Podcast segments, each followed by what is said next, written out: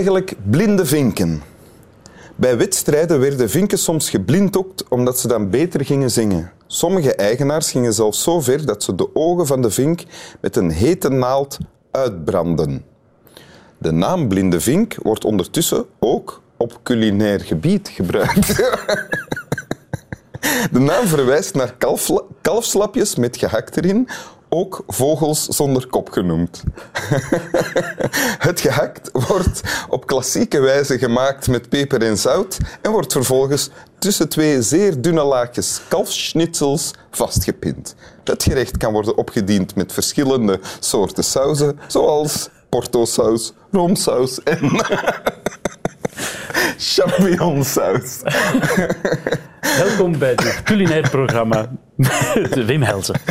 Welkom in Winteruur, Tom van Dijk. Dank u wel. Dank u. Namens mezelf en Boris. Eh, fantastisch dat je hier eindelijk bent. Acteur, regisseur, tv-maker, scenario-schrijver, vader ook. Ja? En eh, je hebt een bijzondere t-shirt aan. Ja. Dat is van eh, het zeer bekende merk Comfortabel, waarvan mijn dochter eh, Abel de ontwerpster is. En ik had haar beloofd dit als een fiere papa te dragen vandaag. Hoe oud is Abel? 14. Hm, Ja, En ze heeft haar eigen kledinglijn. comfortabel. Comfortabel. Ah, Oké, Ja. voilà. Beetje reclame, Ja. waarom niet? Ja, waarom niet? Ja. Dus via Instagram kan je haar vinden.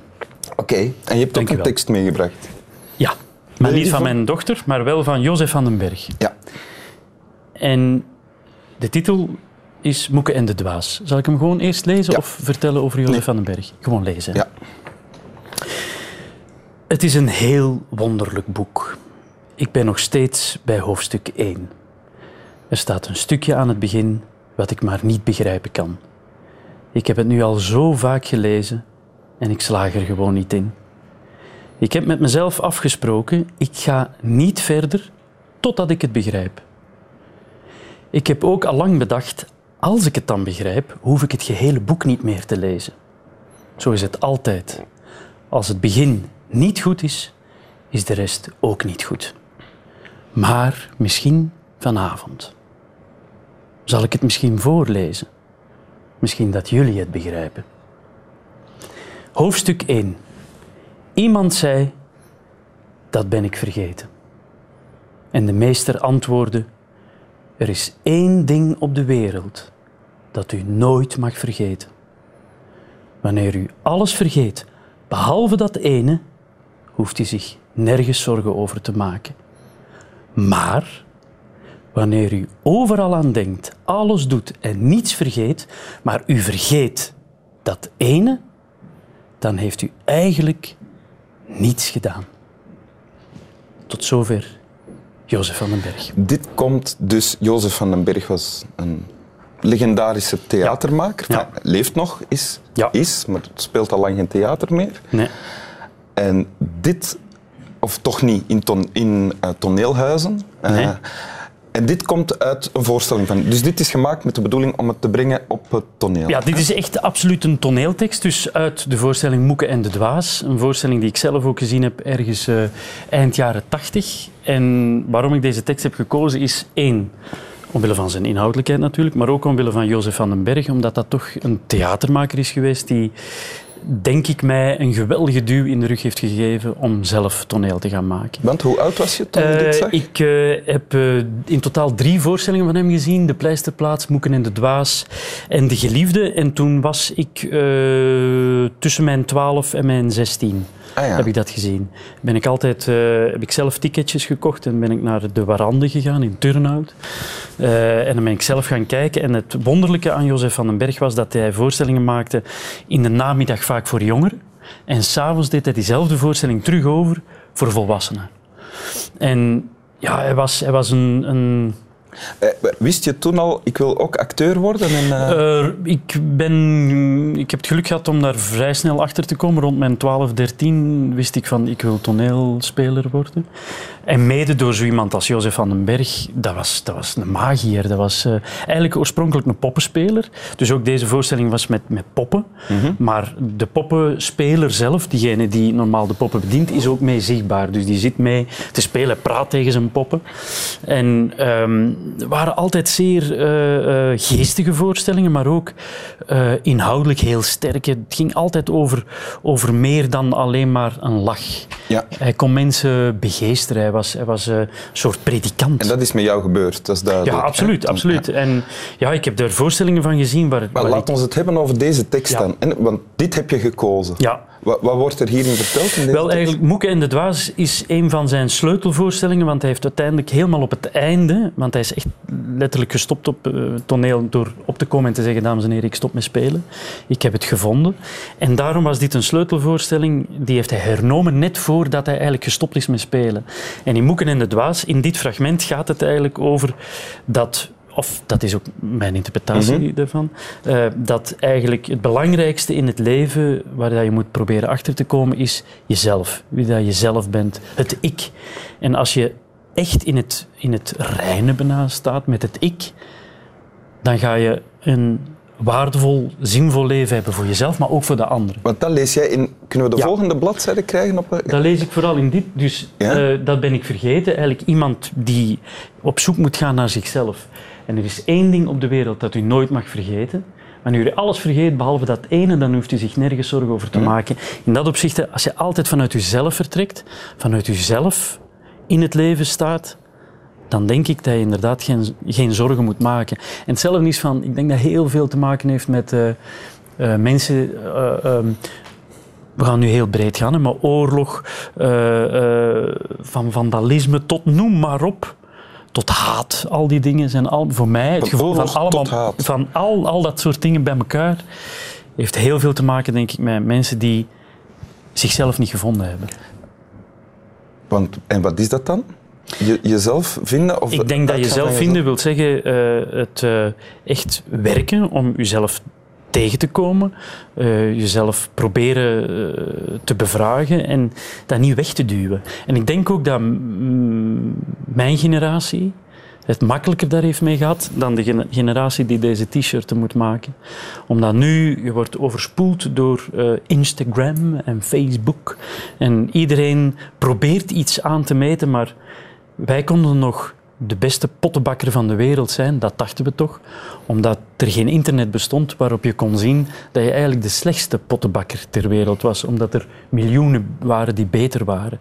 Dus wij konden nog ja, ons veel makkelijker zelf gaan zoeken. Wij konden verdwalen in het leven. En is dat dan iets dat je ooit bent beginnen doen en dat nu afgerond of bezig is? Of, of Ik denk, voor mij is dat nog altijd bezig in dat opzicht. eh, Ik ben acteur geworden, ik denk op mijn twaalf eh, besefte ik dat. dat ik, was dat voor jou de eerste stap dan al in jezelf zijn? ik denk het wel, ja. Want je was voorbestemd om iets anders te ik was voorbestemd om mijn vader op te volgen als Ellen Ja? Maar ik heb heel snel gevoeld dat ik door toneel te spelen iets bij mezelf teweegbracht. Dat ik eh, een soort van uitlaatklep voor al mijn zelf mijn, in mijn puberteit. eh, Dus eh, voor jou was stap één zeggen, nee, ik, ik doe niet wat er van mij verwacht wordt. Ja, ik word niet mee... Ja, Ja. absoluut. En dan heb ik eigenlijk ontdekt voor mezelf dat ik een spelende mens ben. Mhm. En dat ben ik nog steeds. En ik denk dat, dat, dat mijn taak erin bestaat of zo, om, om ja, mij, door mezelf te blijven zoeken van wie of wat ik ben, kan ik misschien, en dat voor een publiek of voor camera's of weet ik wat, kan ik misschien andere mensen ook helpen om dat te doen. Ik voel als, als artiest, als kunstenaar, heb de, de opdracht, vind ik, om een soort eh, de, de, eh, de bijsluiter van het leven allemaal te ervaren. Zodanig dat de mensen, de voorstellingen zijn eigenlijk de bijsluiter waar dat je andere mensen mottig van worden, maar wij moeten dat ondergaan, vind ik. Ik vind dat wij een soort proefkonijnen zijn, of zo voel ik dat toch aan. In dat opzicht ben ik een, een spelende mens die mij helpt om ehm, het allemaal te ondergaan. Zijn er dan ook momenten geweest in je leven tot nu toe waar je jezelf kwijt was? Waar je dit vergeten was? Ja, daarom Ja, spe- ja, ja, absoluut. Ja, Je daar- krijgt succes, hè. Je, je begint, je krijgt succes, je groeit. Dan bestaat de kans dat je, zoals eh, Van den Bergetier zegt, dat je verliest in allemaal andere dingen. Is dat gebeurd ook? Ehm, ja, ik denk dat mm, de moeilijkste rol blijft toch nog altijd jezelf te zijn. Dat vind ik eigenlijk voor mezelf de moeilijkste rol. Daarom ben ik een spelende mens. Ik kan ik heb dat spelen nodig, denk ik. Echt, Dat klinkt heel beladen of zo, maar ik heb dat echt wel nodig om eh, mijn eigen rust te vinden. Dus ik moet eh, die korte broek aandoen en als jongetje eh, door het leven blijven rennen. Ben je nu jezelf? Het is een zeer goede vraag. Ik denk, eh, ik kom toch redelijk in de buurt, denk ik. Ja. Ja. Maar ik ben natuurlijk bewust van het feit dat wij hier zitten en dat we dat vertellen en voor een camera. Dus ik denk dat... En Boris. Ik, en een Boris erbij. Dus ik denk, wanneer ben ik meest mezelf? Waarschijnlijk in de zeer privékring, omringd door mijn kinderen. En alhoewel, dan probeer ik ook soms misschien de goede vader te zijn. Dat is een vergissing, Dat is een vergissing, ja. Dat is toch zo? Heb jij dat niet? Je probeert ook soms vader te spelen. Dat je denkt, ja meneer, zo doen een papa dat. Ja. Dus ik ga dat nu ook doen. Ja, ja, ja, dat is waar. Ja. Dus ik, ja, het is zo'n beetje iemand, niemand en honderdduizenden. Hè? ja. Nog eens lezen? Ja, dat wil ik zeker doen.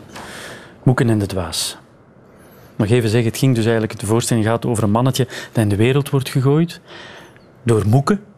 En als een dwazeke daar rondloopt in, en op het einde zich afvraagt van, heb ik dat nu goed gedaan?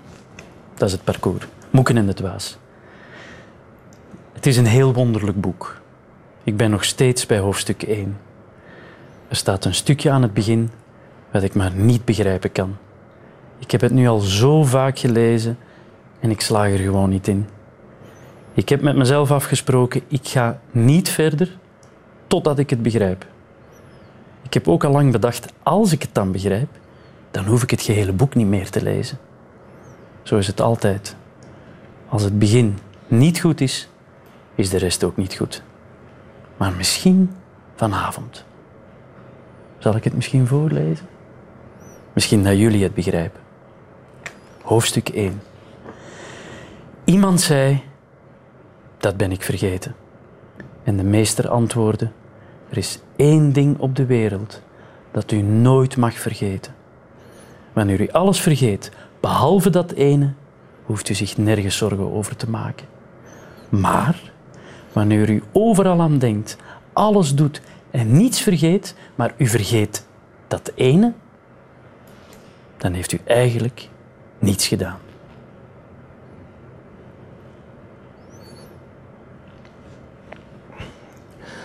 U wel.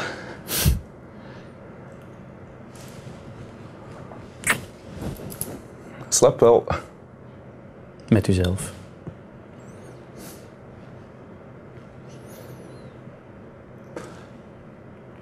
Het is wel streng eigenlijk, het einde, vind ik nu. Dat je niets heeft hebt gedaan. eigenlijk niets gedaan. Ja, maar dat denk ik eigenlijk ook. Want wat heb je hier dan gedaan? Tenzij dat je natuurlijk gelovig bent en denkt van... In het hiernamaals. Maar dat geloof ik niet. Nee. Dus het moet hier gebeuren.